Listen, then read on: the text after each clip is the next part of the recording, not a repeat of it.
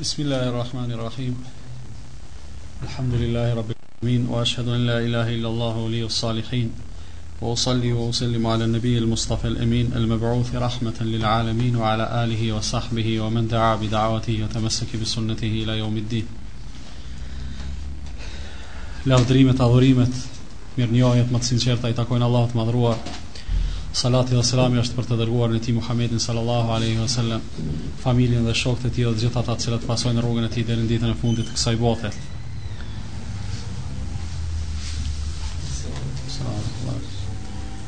Me ndihmën e Allahut Azza wa Jall, tema e takimit të sotëm, ashtu sikurse keni kërkuar edhe kemi premtuar, do të jetë lidhur me hixhabin.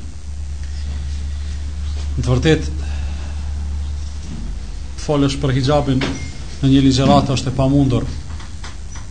e në mënyrë të posaçme është e pamundur që t'ia japësh hakun kësaj teme dhe kësaj problematike, e cila është temë apo problematik fetare, sociale, psikologjike e kështu me radhë për arsye se ka të bëjë me jetën e përditshme të njeriu, me jetën e përditshme të e gruas muslimane në përgjithësi. Mirëpo ne do të flasim sot inshallah vetëm aspektin e obligueshmërisë së hixhabit edhe rrezikun e të kundërtës së hixhabit. Para se të fillojmë, dua vetëm të përkujtoj se Islami i ka dhënë një rëndësi edhe një vlerë të posaçme femrës. Për arsye se vendi edhe pozita të cilën ja ka dhënë Islami femrës është mu ajo e cila i takon edhe përputhet me natyrën e saj në të cilën e ka kriju Allahu subhanahu wa taala. Njëkohësisht edhe mënyrën e veshjes stolive, zbukurimit e kështu me radhë, Allahu Azza wa Jall e ka caktuar për femrat në mënyrë që ajo ta gëzojë në mënyrën më të mirë lirinë e saj, dinjitetin e saj, krenarinë e saj, e të mos bahet lodër në duart e atyre të cilët nuk kanë preokupim tjetër vetëmse si ta përhapin fesadin, si të përhapin çrregullimet, çoroditjet, imoralitetin e kështu me radhë në mesin e njerëzve. Andaj Allahu subhanahu wa taala përveç asaj që i ka dhënë një pozitë të veçantë femrës, ai edhe ia ka caktuar mënyrën e veshjes edhe të mbulesës, për arsye se Allahu azza wa jall përveç që ka dashur ta mbrojë nga çfarëdo sherri, nga çfarëdo dami, të cilit ka mundësi me iu eksponu femra, ka dashur që ta mbrojë edhe nga shikimet e të tjerëve, posaçërisht nga shikimet e atyre të cilët këtë gja e bajnë në mënyrë tendencioze. Dikush mundet me thonë, po çka ka nevojë njeriu me u mbrojtë prej shikimeve, çka të ban njeriu nëse të këqyr? Në të vërtetë, nëse njeriu mendon edhe logjikon, ka me ardhur në përfundim se nëse një njeri e posaçërisht nëse është i huaj, vetëm të shikon ai ty ka me të shqetësu. Nëse ecë në rrugë edhe njerëzit ndalen edhe të shiqojnë ty ka po kalon, ai padyshim se ka me të shkaktu ty një shqetësim, a thua pse po më shikojnë, si po dukem unë, a thua po dukem keq, a thua çka po mendojnë ata për mu, çka po përgatisin ata për kundër meje, çfarë kurtha, çfarë intriga po thurin e kështu me radhë. Pra, edhe shikimi është ajo e cila ka mundësi me e shqetësu, madje shumë, njeriun, E për këtë arsye, duke qenë se femra është një krijesë e dobët, Allahu Azza wa Jall në mënyrë të posaçme e ka rregulluar këtë farë problematike. Çfarë është hixhabi? Edhe cilat janë dobitë apo vlerat e hixhabit? Hixhabi është mbulesa islame apo mënyra islame e veshjes së femrës, do thonë në mënyrë të në mënyrë të veçantë.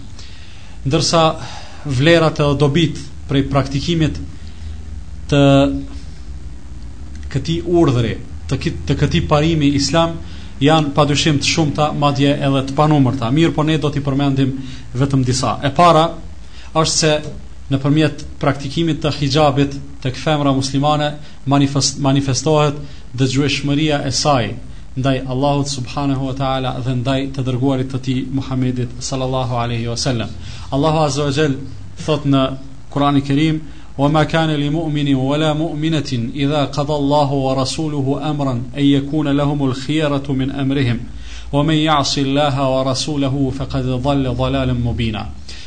Nuk ka asnjë besimtar dhe asnjë besimtare, do thonë nuk i takon as besimtarit e as besimtares që kur Allahu dhe i Dërguari i Tij të urdhërojnë diçka, të caktojnë diçka, të rregullojnë diçka, që këtyre t'u mbetet hapësirë për zgjedhje të diçkas çka është në kundërshtim me ato çka ka caktuar dhe çka ka zgjedhë Allahu dhe i Dërguari i Tij. Do thonë s'ka mundësi njeriu me i thonë vetes besimtar apo besimtare, E tash kur Allahu po thotë shko qiknej ose vepro kështu apo kështu me radhë, ti me thonë jo unë po zgjedhi diçka tjetër, nuk ka hapësirë. Ose kemi mbet besimtarë edhe kemi iu nënshtru urdhrit të Allahut azze ue xhel, edhe mësimit të Muhamedit sallallahu alaihi wasallam, ose nëse e bën edhe vepron simbas zgjedhjes tënde, atëherë largoje nga vetja jote atë epitetin apo atë gradën fisnike dhe të çmuar të besimtarit apo të besimtares. Ndërsa vazhdimi i ajetit thotë: "Wa men ya'si-llaha wa rasulahu faqad dhalla dhalalan mubina", ndërsa ai i cili e kundërshton apo mëkaton apo nuk e përfill urdhrin e Allahut dhe të Dërguarit të Tij, ai me të vërtetë ka humbur në një humbje të qartë. Mirë, po e kuptojmë se qenka një obligim i përgjithshëm edhe global i muslimanëve edhe i muslimaneve, i besimtarit edhe i besimtares, që t'i nënshtrohen Allahut azze ue xhel, Atij t'i përulen, ta respektojnë Ate edhe të Dërguarin e Tij Muhammedin sallallahu alejhi ve sellem. Atëherë, çfarë ka thonë Allahu azze ue xhel, edhe çfarë ka thonë Muhammedi sallallahu alejhi ve sellem për mënyrën e veshjes së së muslimanes, të femrës muslimane. Allahu azze ue xhel në surën En-Nur, ajeti 31 thotë: Wa qul lil mu'minati yaghdudna min absarihinna wa yahfazna furujahunna wa la yubdina zinatahunna illa ma dhahara minha, Dhe thuaju besimtareve, dhe thuaju besimtareve, do të thonë emërtim me një emër shumë të çmueshëm, shumë me vlerë, le t'i ulin apo le t'i ruajnë shikimet e tyre, edhe le t'i ruajnë organet e tyre, edhe mos të paraqesin, mos të eksponojnë prej bukurive të tyre përveç asaj çka është e haptë,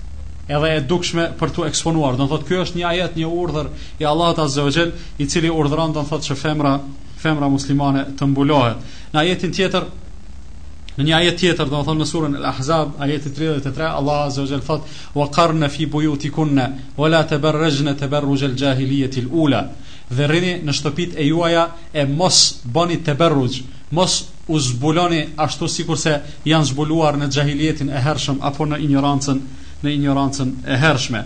Gjithashtu prej udhëzimeve që i ka dhonë Allahu subhanahu wa ta'ala është që kur njerëzit apo muslimanët t'u drejtohen apo u janë drejtuar grave të Resulullahit sallallahu alaihi wasallam, nanave të besimtarëve. Do thonë gratë e Resulullahit sallallahu alaihi wasallam kanë qenë nanat e besimtarëve, mirëpo prap këtu Allahu azza wa jall nuk e ka lënë këto vetëm një afërsi që është afërsi simbolike edhe që ekziston mundësia që njeriu i rëndomtë ndoshta sikur të mos ishin rregullat e mbulesës me ndi ndaj ndonjë ndonjënës prej grave të Resulullah sallallahu alajhi wasallam diçka çka nuk ndin normalisht njeriu ndaj nanës së vet. E për këtë arsye Allahu azza wa jall ka çit rregulla edhe ka thonë wa idha sa'altumuhunna mata'an fas'aluhunna min wara'i hijab edhe kur ato t'i pytni diçka apo të kërkoni diçka prej tyre atëherë këtë gjë bëjeni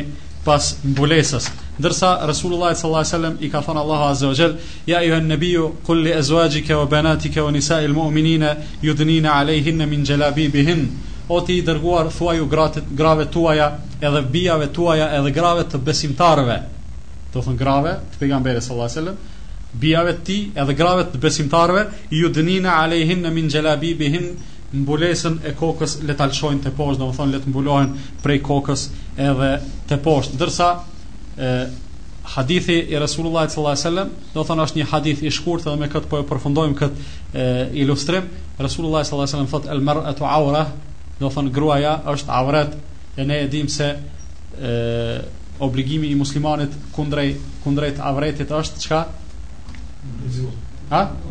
Mbulimi, domethonë me me mbulu, me mbulu avretin. Domethonë hixhabi qenka një manifestim, madje manifestimi ma ma i madh, ma i dukshëm, ma i shprehur për bindjen, për uljen, dëgjueshmërinë edhe respektin ndaj urdhrave të Allahut Azza wa Jell edhe udhëzimeve të Muhamedit sallallahu alaihi wasallam.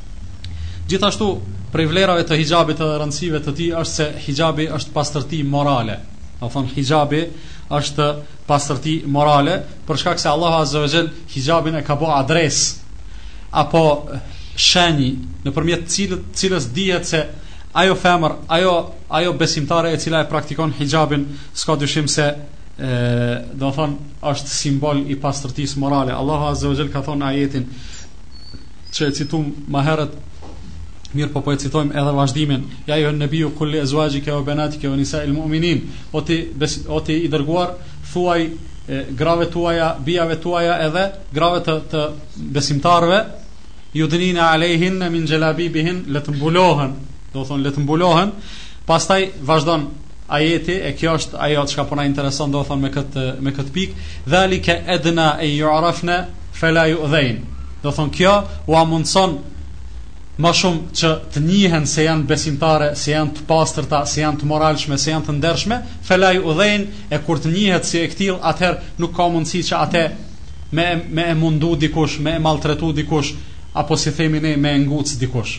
Edhe kjo, subhanallah, kjo, ky ajet ka pas të bojë me atë kohë, domethonë, në atë kohë edhe në disa shoqëri të cilat janë normale, shoqëri ku dominon e mira edhe hajri edhe edhe nderi edhe morali atëherë domethonë në përgjithësi njerëzit janë rahat edhe nuk nuk pësojnë pej askujt mirëpo njerëzit që janë që me me me me jetën e tyre japin simbol edhe japin shenjë të të dinjitetit edhe të pastërtisë morale ata edhe ma, edhe ma, edhe më të qetë edhe ma rahat janë mirëpo edhe në kohën tonë të, tonë të sotme Do të thonë jemi dëshmitar se kryesisht, kryesisht femrat e mbuluara janë shumë ma rahat kur dalin në rrugë nga ngacmimet e të tjerëve, madje edhe atyre të prishtërve, edhe atyre të pamoralshmive, edhe në përgjithësi se sa që se sa që janë, do të thotë femrat të tjera në përgjithësi. Pra Allahu Azza wa Jall, me ndihmën e tij, me mbrojtjen e tij, besimtaret e sinqerta kryesisht i kursen nga ngacmimet e këtij lloji.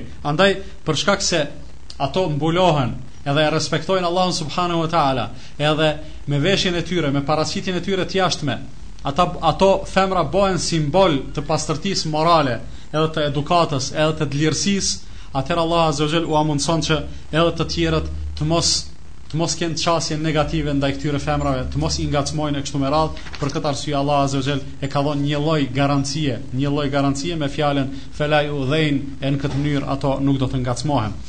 Hixhabi është pastërti. Do thonë hixhabi është pastërti. Shtrohet pyetja çfarë pastërtie? Ajo është pastërti edhe fizike, edhe morale, edhe shpirtërore, edhe domethënë në çdo në çdo aspekt çka mund të nuk nënkuptojë fjala pastërti. Allahu azza wa jall kur flet në ajetin të cilin e përmendëm herët për nonat e besimtarëve, wa idha sa'altumuhunna mata'an fas'aluhunna min wara'i hijab, dhalika dhalikum atharu liqulubikum wa qulubihinn. Dhe kur ju të kërkoni diçka prej tyre, këtë gjë bëjeni prapa perdës, prapa mbulesës, se kjo është më pastër për juve, edhe për zemrat e juaja, edhe për zemrat e atyre, nonave të besimtarëve apo grave të Resulullah sallallahu alaihi wasallam. Andaj, e, Hixhabi apo mbulesa, do të thotë, garanton një pastërti morale, një pastërti shpirtërore për të dy gjinitë, do të thonë edhe për edhe për femrat, edhe për mashkujt, për arsye se mbulesa është ajo e cila e pengon e, shikimin, e pengon pamjen, ndërsa pamja ne e dimë se është ajo e cila i çel dyertë e të keqës, se njeriu nuk ka mundësi ta dëshirojë një gjë nëse nuk e din se si duket ajo. A është kështu? Do thonë ti për pa e pa një send nuk ka mundësi me të pëlqy. Edhe, posa ta shohish, menjëherë ke dëshirë me e pas e kështu me radhë. Ndërsa, nëse është mbulesa atëherë domethënë kjo është një pengesë që të mos ndodhë kjo. Gjithashtu është një udhëzim tjetër që e ka dhënë Allahu subhanahu wa taala kur ka thonë fela takhda'na bil qawli fayatma'a alladhi fi qalbihi marad. Do thonë Allahu azza wa jall këtu në mënyrë në mënyrë të përgjithshme dhe të gjithanshme i ka dhënë udhëzimet se si duhet muslimani të sillet, se si duhet të duket, madje edhe se si, se si duhet të flasë, ju ka thonë grave, ka thonë, fela tekhdane bil kaul, edhe kur të folni, mos e tholloni shumë zonin, mos e boni zonin shumë tërheqës, fejatmeal ledhi fi kalbihi marad, në mënyrë që ai i cili ka smundje në zemër, zemra e cilit është e smut, që të lakmojë mas andej për juve. Do thonë njeriu paska mundësi që të bëhet rob edhe i dëgjuarit ashtu sikur se bëhet rob edhe i të shikuarit, mirëpo Allahu azze ue xhel ju ka tregu njerëzve se edhe për zemrën, edhe për sytë, edhe për veshët, për të gjitha këto do të jepet llogari edhe përgjegjësi në ditën e gjykimit. Hijabi është gjithashtu mbulesë. Ne shpesh herë themi hijabi, nganjëherë themi mbulesa. Atëherë qysh edhe hijabi edhe mbulesë kur të dyja qenkan gati një. Mirëpo hijabi Çdo hixhab është mbulesë, po çdo mbulesë nuk është hixhab. Do thonë mundet një një femër me u veshë në mënyra të ndryshme, mirëpo s'do me thonë se ajo patjetër do me thonë me qenë me qenë femër me hixhab, mirëpo nuk është ky qëllimi i kësaj çka po du me thonë. Qëllimi i kësaj është, edhe këtë do ta kuptojmë nga hadithi në të cilin thotë Resulullah sallallahu alaihi wasallam inna Allaha hayyun sittir. Allahu azza wa jall e don turpin. Edhe vet i vjen turp, Do të thonë, edhe njëkohësisht do të thonë ka dëshirë të mbulohen gjanat, yuhibbul haya was sitr e don turpin edhe e don mbulesën qysh e don turpin edhe e don mbulesën çdo gjë që është e keqe Allahu azza wajel don që ajo të mbulohet dhe të mos shfaqet të mos eksponohet pavarësisht a është vepër a është fjalë apo është edhe diçka e cila ka mundësi do të thonë të duket apo të preket kështu që edhe mbulesa do të thotë është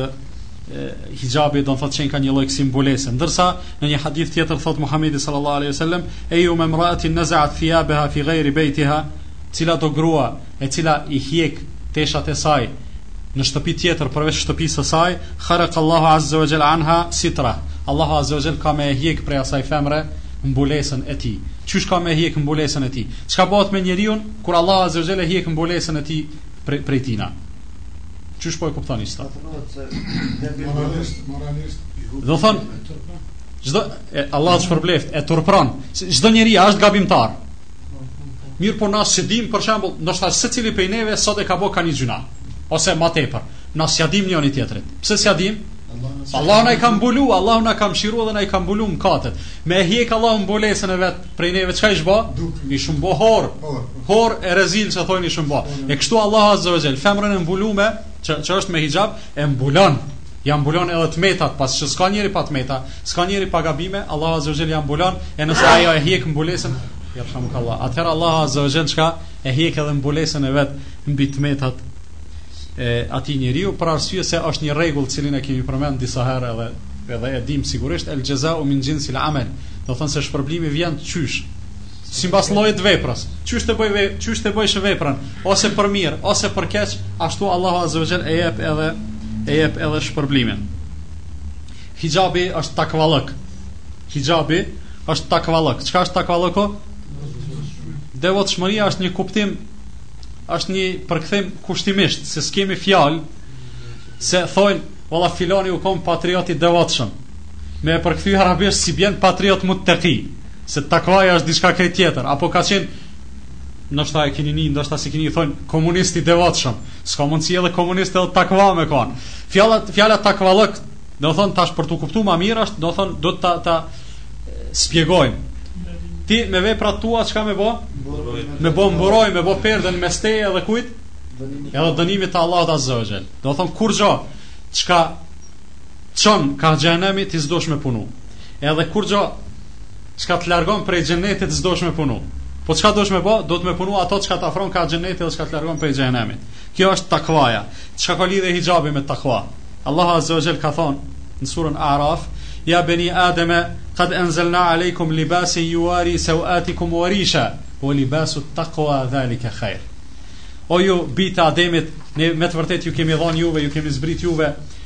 veshje juari sawatikum veshje e cila ua mbulon juve pjesët e turpshme wa rishan edhe zbukurim do thon Allah azza jall ka dhon jo vetëm të vishemi se sigurisht secili prej neve ka ka mujt me u vesh edhe ndryshe po kemi pas qef çka përveç që mbulohemi edhe me u duk pak bukur mirëpo Allah azza jall çka thot wa libasu taqwa zalika khair veshja e takvallokut të veshurit me takvallok mbulimi me takvallok zbukurimi me takvallok çka është puna më e mirë Do thon puna më e mirë dhe gjaja më e vlefshme në jetën e kësaj bote, qenka çka? Që njeriu edhe t'i mbuloj të metat e veta, po edhe të zbukurohet e të stoliset me çka?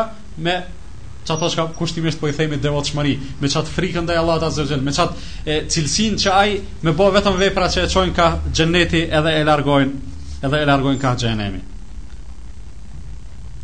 Hijabi është iman. Hixhabi është iman.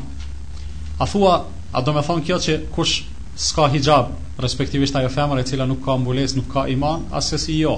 Mirëpo, kjo e ka kuptimin se një pjesë shumë me rëndësi, edhe një manifestim shumë i theksum i imanit, pa dyshim është mbulesa. Ndërsa vetë Allahu subhanahu wa ta'ala, kur e ka urdhru mbulesën, nuk i ka urdhru Nuk i ka urdhëruar njerëzit, femrat në përgjithësi. E ka urdhëruar vetëm një kategori të tyre. E ato janë kush? Besimtaret, ka thonë kul wa kul lil mu'minati, dhe thuaju besimtareve, nuk ka thonë thuaju grave në përgjithësi, se ma s'pari duhet me besu ajo, me qenë besimtare, me qenë mu'mine, e tek masandej do thonë me u kërku prej saj, me u kërku prej saj hijabi. Gjithashtu edhe në ajetin tjetër, ja ejjuhen nebiju kul li ezuaxhike ue benatik, Thuaj o, o pejgamber, thuaj grave tuaja dhe bijave tuaja dhe kujt? Wa nisa wa nisa el mu'minin, edhe grave të besimtar, besimtarëve. Do të thonë, kjo është kjo është ajo e cila e, e karakterizon femrën besimtare. Do të thonë është një lidhëmëri shumë e madhe mes hijabit edhe imanit. Nuk është obliguar askush me, me hijab përveç asaj që është besimtare, po njëkohësisht edhe nuk e ka imanin e plot përveç asaj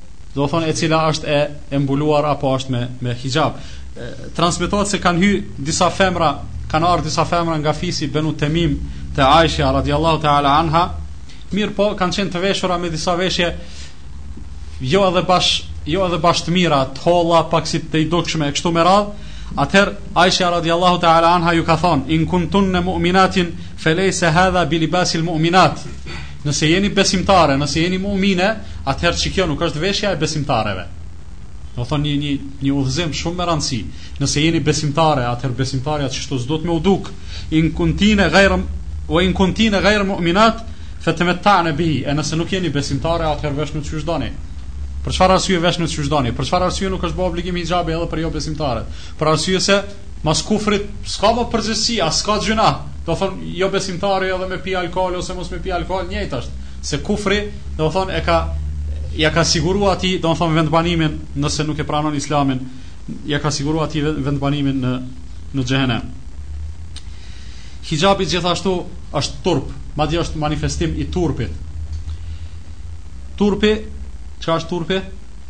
Marrja, me të ardhë marre, apo? Turpi është një cilësi, a është a thua e metë tek njeriu apo është virtyt? Një virtyt. Do thon turpi padyshim se është një virtyt, madje është një virtyt shumë i çmueshëm. Shtrohet pyetja a thua edhe nëse njeriu turprohet shumë, se e kemi pa, ka disa njerëz për shembull turprohen, po disa turprohen hala më shumë. Do thon edhe nëse njeriu turprohet shumë, kjo prapë është virtyt, për arsye se kemi shumë Posaçërisht hadithe të Resulullahit sallallahu alejhi wasallam të cilët tregojnë për vlerën edhe rëndësinë e turpit. Pejgamberi sallallahu alejhi wasallam thotë, dhe dëgjoni këtë hadith se është me të vërtetë shumë hadith i madh. Thotë inna li kulli dinin khuluqan wa inna khuluqal islami el haya. Secili secili din thotë e ka atë atë virtytin, atë cilësinë me të cilën njihet. A i keni pa mallrat e tregut e kanë një shenjë, i thonë shenjë mbrojtëse.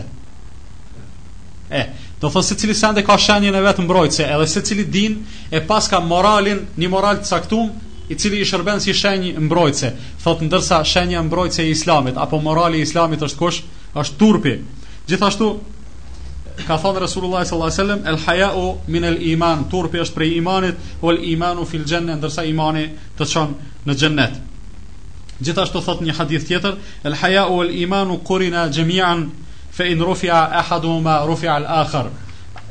Turpi edhe imani janë bashkë, janë një një, një sintezë apo me thonë sikurse një legurë e cila përbëhet prej dy metaleve dhe janë të përzime, domethënë e përbën një e, një bashkëdyzim. Thotë turpi edhe imani janë qashtu, qaq shumë janë të përzime që nëse hjeket njëra, çka bëhet me tjetrën? Hjeket edhe ajo tjetra, domethënë s'ka mundsi imani pa turp apo turpi apo turpi pa iman. Subhanallah njeriu se për punën e turpit kanë fol dijetarët se turpi është që lind me njeriun, do të thonë është një virtyt natyror apo është një virtyt që fitohet. S'ka dyshim se ajo esenca e turpit është një virtyt natyror edhe secili njeri e ka, dikush një masë më të madhe, dikush një masë më të vogël. Mirëpo turpi edhe mundet me u ushtru. Posaçërisht, kur mësohet njeriu, kur mësohet njeriu edhe ka mundësi me ushtru veten e vet edhe me, me adaptu veten e vet në një vepër të mirë, ai tash edhe me dasht me e lon atë vepër të mirë i vjen marre. Apo kur të mësohet mos me e bo një vepër të keqe, ai edhe me dasht me e bo, domethonë prap i vjen marre. Kur të mësohet për shembol një femër duke dalë me mbulesë, me hixhab, Kush e di çka me ndodh, ajo s'ka mundësi me dalë pa hixhab. Për çfarë arsye? Për arsye se i vjen marre, përderisa ndoshta në kohën sa ka qenë e pambulume ka dalë normal edhe s'ju ka dokë marre. Mirëpo e ka fitu apo e ka e ka kultivu atë moralin e turpit, atë virtytin e turpit saqë është rrit aq shumë edhe nuk e len ma, domethonë me me dalë ndryshe përveç ashtu sikurse është i kënaqur Allahu subhanahu subhanahu wa taala. Hixhabi përveç tjera është edhe xhelozi. Xhelozia është një një term i ndijshëm. Kur them i ndijshëm, domethonë shpeshherë mundet me qenë i padëshirueshëm, po esenca e tij padyshim se është shumë e kërkuar. Domethonë na e dimë se në esencë muslimani duhet me qenë xheloz.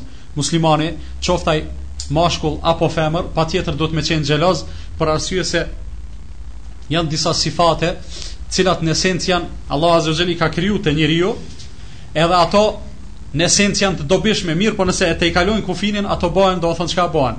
Bëhen të dëmshme. Për shembull, hidhrimi. Na gjithmonë themi njeriu s'bën m'u hidhnu.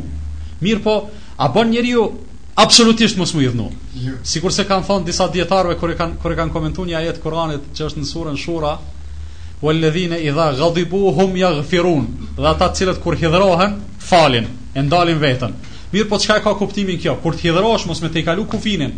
Përndryshe Imam Maliku apo Imam Shafiu, më duket Imam Shafiu, s'është me rëndësi, ka thonë ai i cili kurrë nuk hidhërohet ai është gomar. Domethonë a ka mundsi njeriu kurrë mos m'u hidhnu? Nëse kurrë s'hidhnohesh, atëherë bëhesh domethënë çka?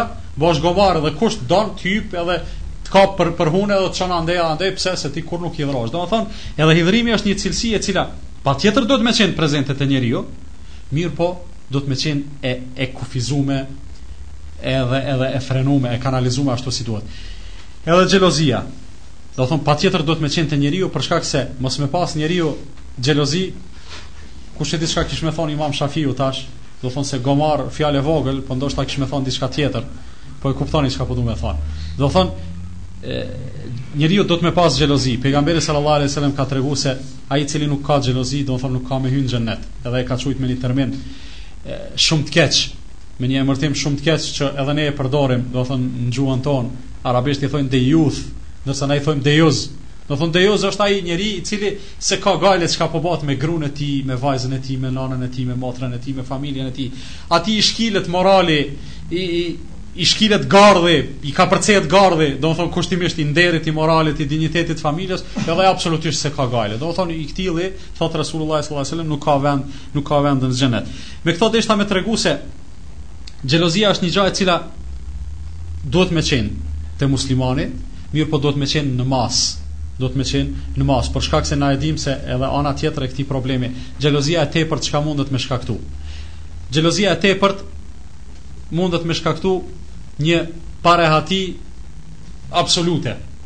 Qoftë njeriu vet apo me familje apo me gru apo me apo me shok apo me këndo që të jetë domethonë një xhelozi e teprume, njeriu kurrnjëherë nuk mundet me u bë rahat edhe kurrnjëherë domethonë një një bashkëjetesë çfarëdo të qoftë ajo, apo në jetën bashkëshortore, apo familjare, apo në kolektiv, apo kudo që të jetë, domethonë, është e pamundshme me xhelozi të teprume. Mirëpo, sido të qoftë, domethonë, Duhet të dihet se njeriu e ka atë kerametin e vet, njeriu e ka atë vlerën, dinjitetin e vet, edhe ajo assesi nuk ban të nëpërkëmbet prej askujt. Edhe vet muslimani si musliman, domethonë nuk duhet të lejojë që dikush ta nëpërkëmbë nderin e tij, moralin e tij, të familjes së tij e kështu me radhë. Aliu radiallahu ta'ala anhu ju ka thonë një herë do njerëzve kanë ardhë ata prej jashtit dikun, Si themi na prej jashtit edhe atëherë ka pas jashtë. Mirëpo atëherë mrena janë konë muslimanët, jashtë janë konë kufarët. E ka ardhë dikush prej kufarëve aty edhe kanë bo muhabet, edhe në mes tjerash Aliu radiallahu po ju tregon se jeta që e keni ju, a është jetë jetë e pavlefshme dhe jetë e keqe. I ka thonë, kom digju se gratë e juaja thotë dalin n'treg edhe nëpër atë kallaballëkun e madh ato shtyhen me burra. Domethonë gratë, me dal n'treg edhe me u shty me burra, kjo me të vërtetë nuk është në rregull. Ka thonë tash po ju drejtohet atyne thotë Allahile thotë a hiç s'keni xhelozi a hiç ju vjen mërzi për shkak që gruaja jote me dal edhe me u shty me burra nëpër nëpër kallaballëk të madh pa pas kurrfarë nevoje pastaj e ka dhonë ky atë diagnozën e vet ka thonë wallahi la khaira fi man la yaghar nuk ka kurrfarë hajri kurrfarë mirësie në atë njeri i cili nuk ka xhelozi mirëpo prapë po them ajo xhelozia duhet me konë një xhelozi e kufizuar edhe e logjikshme e arsyeshme Ajo është prezente edhe te burri edhe te gruaja, sikurse i ka ndodh po më tregon një vëlla nganjëherë njerëzit kanë dëshirë me shit burrni edhe në mesin aty në posaçërisht te na shqiptarët, po edhe të tjertë në përgjithësi, burrni është dhe me mos me ngu grun ose mos me u tut prej gruje ose kështu me radhë. Dhe n'anë p'njës është në rregull me u tut prej gruje, mirëpo me respektu edhe me pas mirëkuptim është një gjë që islami e kultivan.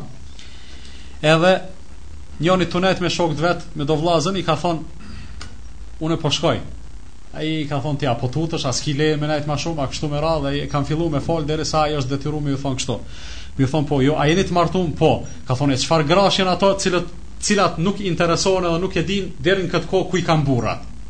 Do të thonë edhe burri duhet me xhelozu edhe me u interesu për gruan e vet, po s'prish punë edhe gruaja me u interesu për burrin, mirëpo po ajo xhelozia Xhelozia, çka duhet ta kemi parasysh, kurrnjëherë nuk duhet me na shti apo me na shty në paragjykime, në dyshime. Se xhelozia e tepruar është ajo e cila e bën për shembull gruan që si të del burri prej derës, ai ndoshta u nis në xhami me shku, asaj menjëherë me i shku mendja se mos ka shku diçka me bë keq. Po edhe burri do të thotë, posa nuk e sheh gruan e vet edhe nuk e ka nën, do të thonë nën nën shikim, menjëherë me shku mendja se mos ajo ajo po bën diçka keq. Ndërsa ajo e cila neve na na shëron prej kësaj smundje është frika ndaj Allahut subhanahu wa taala. Nëse vet kemi frikë Allahun edhe edhe kemi takvallok, po edhe gruaja e dim se ka takvallok edhe e edukojmë që ajo me pas takvallok, atëherë s'ke nevojë me u tut. Do të thonë njeriu i cili e ka frikë Allahun azze ve xhel le pasurinë tënde ai nuk ta merr. Le nderin tënd edhe në besim nëse ia lën ai prap do të thonë nuk ka nuk ka me tradhtu nderin tënd e kështu me radhë po edhe gruaja jote nëse e ka frikë Allahun azze ve xhel apo vajza jote apo motra jote ajo prap nuk ka me nuk ka me bën ndonjë gjë të keqe për çfarë arsye për shkak se e ka mburojën më të fortë me vete e ajo është takvalloku apo frika ndaj Allahut subhanahu wa taala sidoqoftë mbulesa sikurse u cek deri tash i ka të gjitha anët e mbulesës janë pozitive. Edhe dobitë e saj janë të shumta, sikur të mundohej njeriu me fol edhe me i, me i përfshi të gjitha ato pa dyshim se do të ishte e pamundshme, e sidomos në një takim të këtillë sikurse i kemi ne këto takime, domethënë në kohë të kufizume. Njerëzit kanë shkru për mbulesën shumë, e kanë trajtu atë nga aspekte të ndryshme, thashë, ajo mund të trajtohet si problem fetar. Edhe si problem fetar trajtohet në forma të ndryshme, për shembull, obligueshmëria, në anën tjetër rregullat edhe dispozitat, domethënë nga këndvështrimi i fikhut, e kështu me radhë e kështu me radhë. Pastaj si problem psikologjik, si problem sociologjik e kështu me radhë, mirëpo, do thonë, dobitë e hixhabit janë të shumta e disa prej atyre janë këto që u përmendën deri tash. Ndërsa, po kalojmë te pjesa tjetër e e temës që ka të bëjë me anën e kundërt të të njëjtës problematik të cilën e trajtuam deri tash. Cilat janë tash pasojat e folëm për të mirat e mbulesës, po flasim për pasojat e zbulesës. Do të thon pasojat e mos praktikimit të hijabit. Kur tham se te mbulesa e para ishte çka? Manifestimi i përuljes edhe dëgjueshmërisë ndaj Allahut Azza Jell, atëherë themi se zbulimi është çka? manifestim i padëgjueshmërisë, i padëgjueshmërisë edhe i mos përuljes ndaj Allahut dhe të dërguarit të, të tij Muhammedit sallallahu alaihi wasallam. Çka ka thënë Muhammedi sallallahu alaihi wasallam në këtë kontekst? Ka thënë kullu ummeti yadkhulun al-jannata illa man aba. Krejt ummeti im kanë me hyrë në xhenet. Krejt, pa përjashtim. Përjashtim ka me bo veç një kategori e tyre. Kush janë ata?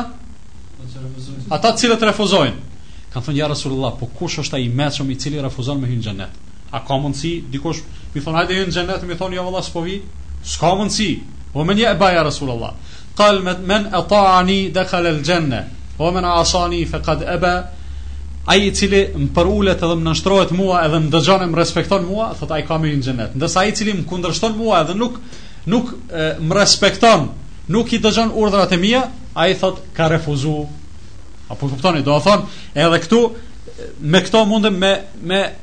e krahasu çdo veprim, qoftë ai edhe shumë shumë konkret. Mund të themi se të gjitha besimtaret do të hyjnë në xhenet përveç ato të cilat të cilat refuzojnë. Kush është ajo e cila refuzon? Refuzon ajo e cila nuk i nënshtrohet urdhrit të Resulullah sallallahu alaihi wasallam. Si edhe nëpërmjet mbulesës. Edhe të tjerat, edhe të tjerat, mirëpo edhe kjo është një prej atyre të cilat ka urdhëruar Resulullah sallallahu alaihi wasallam. Gjithashtu prej të këqijave të zbulimit apo mos praktikimit të hijabit Është një e keqe shumë e madhe dhe shumë e rrezikshme se ajo e cila hec e zbuluar e meriton kur them e meriton këtu duhet të kuptohemi mirë edhe të mos keqkuptohemi asesi kur them e meriton do thonë njeriu mundet me meritu diçka mirëpo a ja jep ti a s'ja jep ajo është puna jote e kur them e meriton do thonë në bazë të asaj çka ka thënë Resulullah sallallahu alaihi wasallam e meritojnë mallkimin pse se Resulullah sallallahu alaihi wasallam ka thënë një hadith të rrezikshëm, ka thënë se yekunu fi akhiri ummeti nisaun kasiyatun ariyat. Thot në kohën e fundit të umetit tim ka me pas disa gra të cilat janë kasiyatun ariyat, të veshura të zhveshura, të mbuluara të zbuluara. Kush janë ato? Pjesërisht të veshura, pjesërisht zhveshura. Ala ruusihinna ka asnimatil bukht. Në kokat e tyre do të thot janë sikur se gungat e deveve. Do thon flokët i mbledhin në atë formë që i bojn përmbi kokë sikurse është gunga e devës thot Resulullah sallallahu alaihi wasallam il'anuhunna fa innahunna mal'unat thot mallkojini ato se me të vërtetë ato janë të mallkuara do thon hadith shumë i rrezikshëm sikur ta dëgjonin besimtaret të cilat të cilat i besojnë Allahut edhe i besojnë e besojnë të dërguarin e tij Muhammedin sallallahu alaihi wasallam edhe besojnë se Muhammedi sallallahu alaihi wasallam nuk flet asgjë tjetër përveç asaj që i shpallet do thon përveç ato çka e mëson edhe urdhron Allahu azza wa jall atëherë kishin me pas frikë se po e meritojnë mallkimin e Allahut edhe të dërguarit të tij edhe të besimtarëve. Andaj, kjo sikur të mos kishte kurrgjo tjetër, kurrfarë pasoje tjetër prej mospraktikimit të hixhabit, do të mjaftonte vetëm kjo se një femër e cila pretendon se i beson Allahut Azza wa Jell edhe del e zbuluar mos po e meriton mallkimin e Allahut edhe edhe të tjerëve. Gjithashtu, zbulimi apo mospraktikimi i hixhabit, mosveshja, mosmbulesa, është prej cilësive të banorëve të zjarrit. Thotë Resulullah sallallahu alaihi wasallam, "Sinfani min ahli an-nar lam arahuma." Thotë janë dy kategori të njerëzve, të cilët do të jenë banorëve prej banorëve të xhehenemit. Domethënë dy kategori të njerëzve do të jenë prej banorëve të xhehenemit, mirëpo unë ata njerëz hala s'i kom pa. E para thotë Qaumun ma'ahum siyatun ka'adhnabil baqar yadhribuna biha an-nas, njerëz të cilat me vete kanë shkopinj sikurse bishtat e lopëve e me ata, me ata shkopinj i rrehin njerëzit. Domethënë kjo është kategoria e parë, edhe kategoria e dytë thotë nisaun kasiyatun ariyat, vazhdon hadithi deri në fund, edhe gra të cilat janë të mbuluara, të zbuluara, të veshura, të çveshura. Domethënë prej kësaj nënkuptojmë se çka Domethënë se femra me qenë jo e mbuluar si duhet, si kërkon Allahu azza wa jall prej saj, qenka prej kategorisë për të cilën po thotë Resulullah sallallahu alaihi wasallam se do të jetë prej banorëve të zjarrit. E Allahu na ruajt të gjithëve që të bëhemi të këtillë. Gjithashtu, e, mospraktikimi i mbulesës apo i hixhabit është prej shenjave të nifakut apo të hipokrizisë. për shkak për shkak se ka thënë Resulullah sallallahu alaihi wasallam khairu nisaikum alwadud alwalud almuwasiya almuwatiya gratë ma të mira domethënë gratë tuaja ma të mira janë ato të cilat janë të dashura ato të cilat lindin edhe ato të cilat domethënë solidarizohen me burrat e tyre nuk janë gra të cilat vetëm vetëm kërkojnë prej burrave ndërsa kur njëherë burri tek ajo nuk gjen prehje nuk gjen qetësi e kështu me radhë Thotë, Idhet tekejn Allah, edhe gratë munden me arrit tërë këto vetëm me një kusht, idhet tekejn Allah, veç me pas takvallëk, me e pas frikën e Allahut azze ve xhel, kurrgja tjetër. S'ka shans njeriu në tjetër mënyrë me arrit deri te deri te kjo deri te ky moral i lartë. Ndërsa, thotë, Wa sherru nisaikum, gratë tuaja ma të këqija janë, El muteberrixhat, të zbuluarat, El mutekhailat, ato të cilat mburren, janë mburravece edhe edhe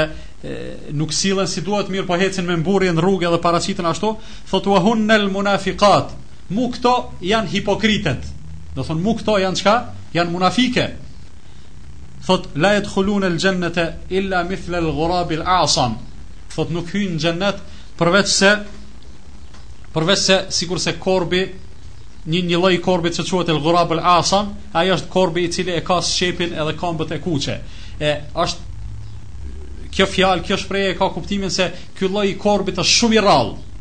Domethënë është shumë i rrallë saqë mirret si shembull kur do të flitet për diçka për ndonjë dukuri e cila është shumë e rrallë. Andaj Resulullah sallallahu alajhi wasallam ka dashur me tregu se gratë të cilat i kanë këto cilësi, domethënë shumë rrallë bën vaki që ato me hy në xhennet.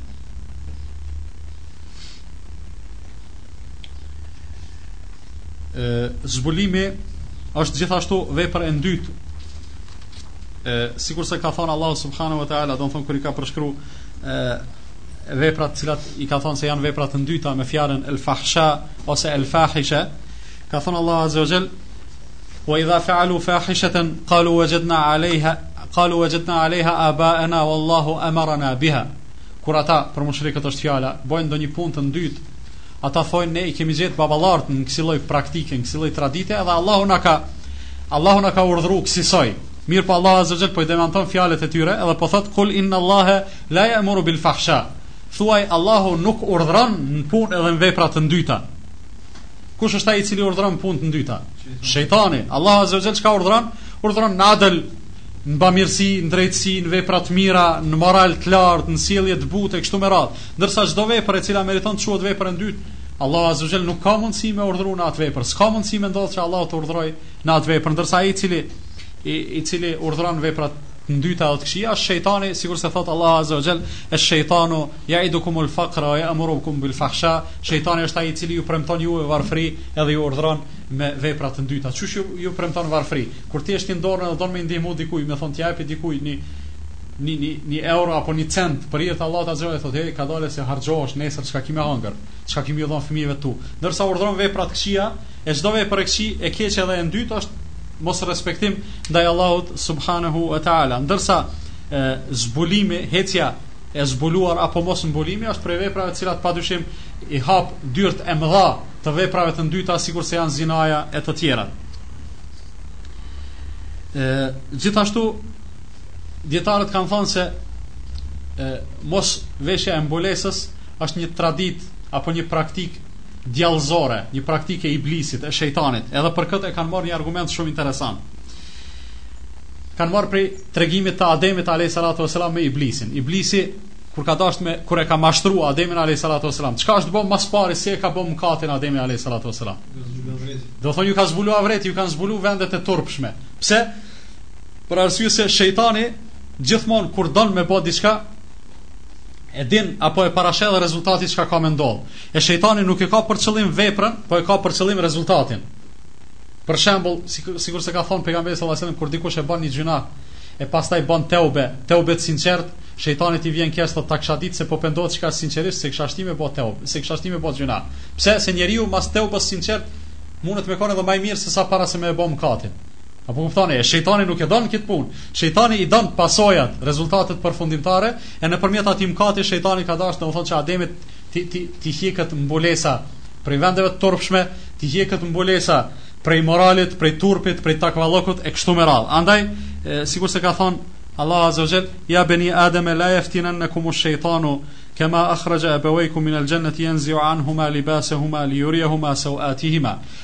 O ju bijtë e Ademit, o ju njerëz, mos t'ju mashtrojë juve shejtani, sikurse i ka mashtruar prindërit e juj, dy baballarët e juj, bab, nanën, babën edhe nanën, Havën edhe Ademin, e i ka nxjerrë ata prej Xhennetit, duke ua larguar atyre rrobat e tyre që t'ua zbulojë turpin e tyre.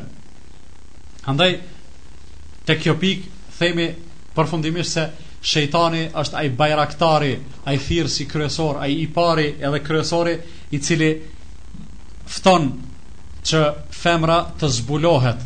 Mirëpo, nuk thotë femra le të zbulohet për me e kundërshtu urdhërin e Allahut, nuk thotë kështu haptas. Ani pse kjo është qëllimi i tij, mirëpo i thotë femra le të jetë e lirë, femra në këtë zheg me dalë mbulu me gjuna, do të me qenë human e kështu me radhë, e kështu me radhë, domethënë, i ka ato metodat e veta se si punon, e pastaj, e pastaj domethënë arrin deri te qëllimi i tij që pa dyshim se është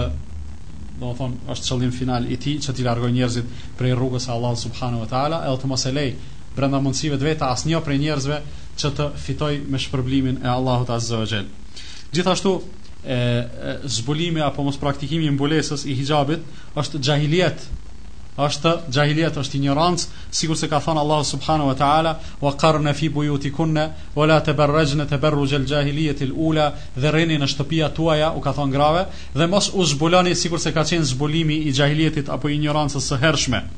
Ndërsa injoranca, domethënë apo xhahilijeti nuk është vetëm në atë kohën paraislamike, e me thënë dikush valla prej atij momenti kur ka filluar me zbrit Kurani më s'ka xhahilijet. Është ai xhahilijeti i parë, e përderisa Allahu azza wa jall e ka quajtur el xhahilijetul ula, xhahilijeti i parë, prej kësaj nënkuptohet se paska edhe xhahilijet të dytë e të tretë e të mëvonshëm bashkëkohorë e kështu me radhë. Edhe, domethënë çdo largim prej rrugës së Allahut subhanahu wa taala, është xhahiliet, pavarësisht se në cilën kohë bëhet ajo, edhe ai mund të jetë i pjesërishëm, varësisht se sa largohen njerëzit prej rrugës së Allahut subhanahu subhanahu wa taala. Gjithashtu edhe e, edhe pasojat e mospraktikimit të këtij urdhri kuranor, të këtij urdhri të Allahut subhanahu wa taala janë të shumta, madje të panumërta. Mirëpo ne nuk do të kemi mundësi t'i t'i numërojmë të gjitha, mjaftojmë me këto çka u numëruam, vetëm se po e shtoj edhe një gjë. Mospraktikimi i mbulesës, përveçse është mëkat personal për për atë e cila e refuzon urdhrin e Allahut subhanahu wa ta'ala, po njëkohësisht ajo është një shkaktar për një të keqe e cila do të përhapet në mënyrë zinxhirore. E ka thënë Resulullah sallallahu alaihi wasallam se njeriu se njeriu gjithsesi domethënë apo nuk ka mundësi t'i ikë zinasë. Mirëpo, qysh, domethënë jo në atë kuptimin bukval, po mundet me bë zina edhe me sytë e tij. Resulullah sallallahu alajhi wasallam thotë el aynani tazniani wa zinahuma an-nazar. Sytë bëjnë zina, e zinaja e syve është kush? Shikimi. Tash nëse një një femër përveç asaj që po e then urdhrin e Allahut azza wa jall, edhe po bëhet mëkatare për veten e vet, ajo po bëhet shkaktare që njerëzit me bë zina me sytë e tij. me sytë e tyre. Do thonë kjo, përveç që bën ti mëkat për vete, Allahu azza wa jall neve na e ka ndaluar që edhe të bëhemi shkaktar për mëkat. A ka thonë Allahu azza wa jall, mos ua shani zotat atyre mushrikëve, që me u bo shkaktar ata me ua sha juve Zotin. A ka thonë Resulullah sallallahu alaihi wasallam se kur është në pyetje alkoholi, Allahu azza wa jall i ka mallku 10 kategori të njerëzve. Edhe ai që e prodhon, ai që e shet rrushin, ai që e bën, ai që e blen, ai që e porositë kështu me radhë. Do thonë ani pse ti s'po e pin, s'po e bën atë atë mëkatin final, mirëpo nëse, nëse ti bëhesh shkaktar për një mëkat, atër s'ka dyshim se, e, s'ka dyshim se, e, do thonë do të kesh pjesëmarrje edhe ti në atë mëkat e, shkaktar i të cilit po bëhesh. Andaj, le të le të shërbej kjo si këshillë për gjitha motrat edhe për gjithë vëllezërit edhe ai që është prezent le t'ia përcjell atij që nuk është prezent e shpresojmë inshallah se kjo ligjëratë Me ndihmën e Allahut Azze o Xhel edhe nëpërmjet incizimit dhe kasetave do të ndëgjohet edhe edhe tjetërkund, mirëpo shpresojmë se femrat muslimane, femrat besimtare do të vetëdijësohen që ta kuptojnë rëndësinë e praktikimit të urdhrit të Allahut Azze o Xhel, të veshjes së së mbulesës së hixhabit, në mënyrë që, do të thonë, ato t'i afrohen Allahut Azze o Xhel edhe të largohen prej gjithë atyre pasojave të cilat e të cilat i përmendëm. Shkurtimisht, domethënë para se të përfundoj, po i përmend edhe kushtet e hixhabit, të cilat i kanë radhit dijetarët në bazë të ajeteve dhe haditheve të cilat flasin për këtë tematikë, kushtet e hixhabit janë si vijon. Kushti i parë është që të mbulohet ajo që duhet mbuluar prej trupit të femrës. Tash qëndrimet në këtë drejtim janë do të thonë ka më tepër se një qëndrim, ka më tepër se një mendim. Ka prej dijetarëve që thonë se femra krejt është avret, Edhe krejt duhet me u mbulu edhe ftyra edhe durtë edhe kamtë edhe kështu me radhë. Mirëpo, edhe të tjerët të cilët thonë se ftyra edhe duart nuk duhet të mbulohen, edhe ata i kanë argumentet e veta. Mirëpo, veç te ftyra dhe te durt është problematika, a, a është obligim, a s'është obligim. Këtë pjesën tjetër do të thonë është e pakontestueshme, andaj, secila muslimane, posaçërisht në këtë vend edhe në këtë kohë, e ka obligim që së paku, do të thonë, ta mbulojë atë pjesë e cila në mënyrë të pakontestueshme është obligim që të mbulohet. Ky është kushti i parë i hixhabit. Kushti i dytë është që mbulesa apo hixhabi të mos jetë stoli, të mos jetë diçka që e tërheq vëmendjen edhe me të cilën zakonisht zbukurohet diçka. Kjo s'do të thonë se duhet me vesh rroba të këqija, s'do të thonë se duhet me vesh rroba neveritëse. Mirëpo qëllimi është do të thonë që të mos mbet, që të mos veshet apo të mos mbulohet femra muslimane me me vesha të stolisura. E treta, që të mos jetë i tejdukshëm, por të jetë me plot kuptimin e fjalës mbulues. Pastaj e katërta, që të jetë i gjanë e assesi që të mos jetë i ngushtë, se do thon urtësia apo fshehtësia e mbulesës është çka që të mbulohet trupi i gruas, trupi i femrës, e nëse është i ai është i tejdukshëm, atëherë leçë nuk e mbulon Mirëpo, veshja e tejdukshme është ma provokative sesa vetë zbulimi i asaj pjese të, të, të trupit. Gjithashtu edhe veshja e ngushtë është ma provokative sesa sesa zbulimi i asaj pjese të trupit. Gjithashtu, prej kushteve të hixhabit është që veshja të mos jetë e parfymosur, do thonë të mos ndihet prej saj erë parfumi. Pastaj, kushti vijues është që të mos jetë prej veshjeve ekskluzive të jobesimtareve. Do thotë mos jetë veshje të cilën e veshin jobesimtaret, gjithashtu kushti tjetër vijues që është shumë me randësi edhe le të kenë kujdes edhe motrat e mbulume, që të mos jetë veshje ekskluzive e mashkujve, sikurse janë pantallonat. Edhe e katërta, e katërta apo e fundit, do thonë kushti i fundit është që me hijabin e femra të mos ketë për synim ekstravagancën, që të dallohet prej tjerave, vetëm me thanë se që unë jam ma ndryshe se sa tjerat, mirëpo qëllimi me qenë, qëllimi s'pari edhe s'fundit, me qenë që me, me ju përulë edhe me ju nështru Allahut subhanahu, subhanahu wa ta'ala. Inshallah Allahu subhanahu wa ta'ala na e mundëson të gjithve, do thonë edhe besimtar, edhe besimtare, që çdo urdhër të Allahut azze ve xhel, ta ndëgjojmë dhe ta respektojmë, edhe të bahemi prej atyre të cilët nuk kundërshtojnë, nuk refuzojnë urdhrat e Allahut azze ve xhel, por që parolë e jona në jetën tonë të bëhet fjala semi'na wa ata'na, dëgjuam dhe u përulëm, Allahu na e mundësoftë një gja të këtillë, me kaq e përfundoj.